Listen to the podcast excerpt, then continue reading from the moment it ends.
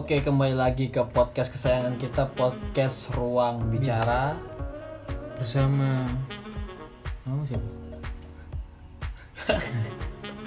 Nama aku tuh yang tadi, tapi diulangi lagi ya. Ulangin lagi pak. Oke, nama aku Romzi Hatim Hawari.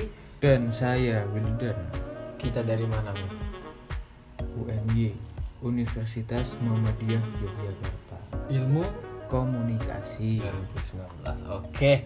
Tadi kan kita udah bahas tuh terkait dengan eh, penyiaran publik dan swasta. Nah, sekarang itu kita lebih membahas tentang contohnya seperti RRI dan TVRI. Oke tim. Jadi menurutmu Radio Republik Indonesia itu apa sih? Oke, Wil.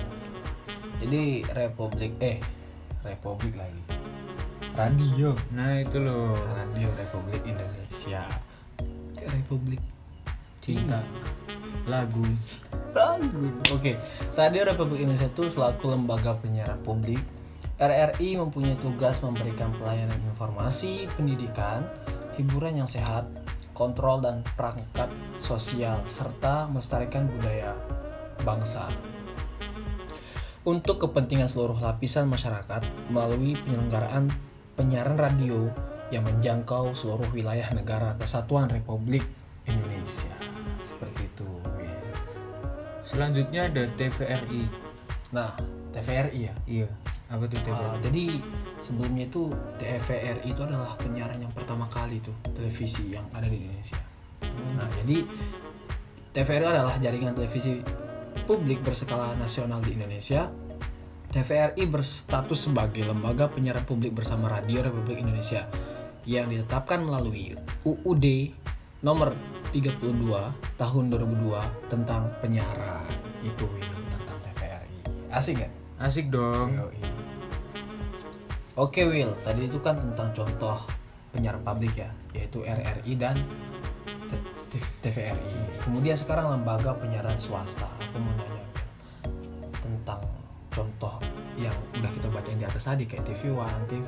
Kira-kira dari beberapa contoh lembaga penyiaran swasta tersebut apa sih Will?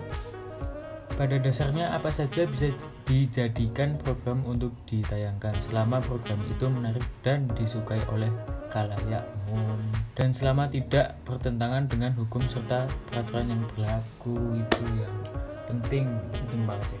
penting sekali dong kayak semisal nih ada suatu acara kayak apa sih sinetron sinetron itu kan ada RBO yang biasa- remaja bimbingan orang tua. Nah jadi eh, remaja yang remaja sih?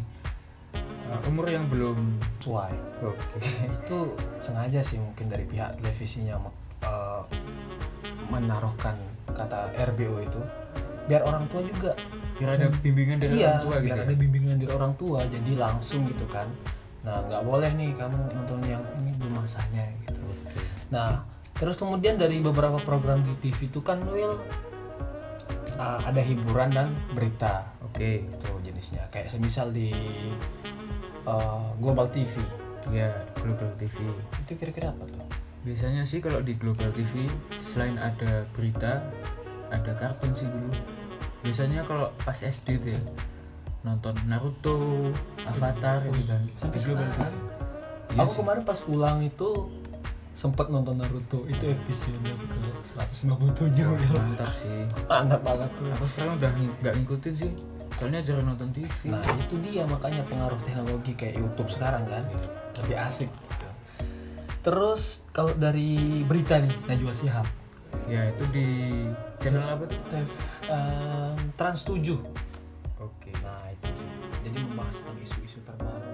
Tapi yang lebih asik itu Will Dulu kan kita Dulu kan kita biasanya itu kan Relain begadang tuh Buat Buat nunggu jam-jam tertentu gitu ya Bola gitu. nonton TV buat nonton bola. Nah gitu. Kalau enggak motor GP.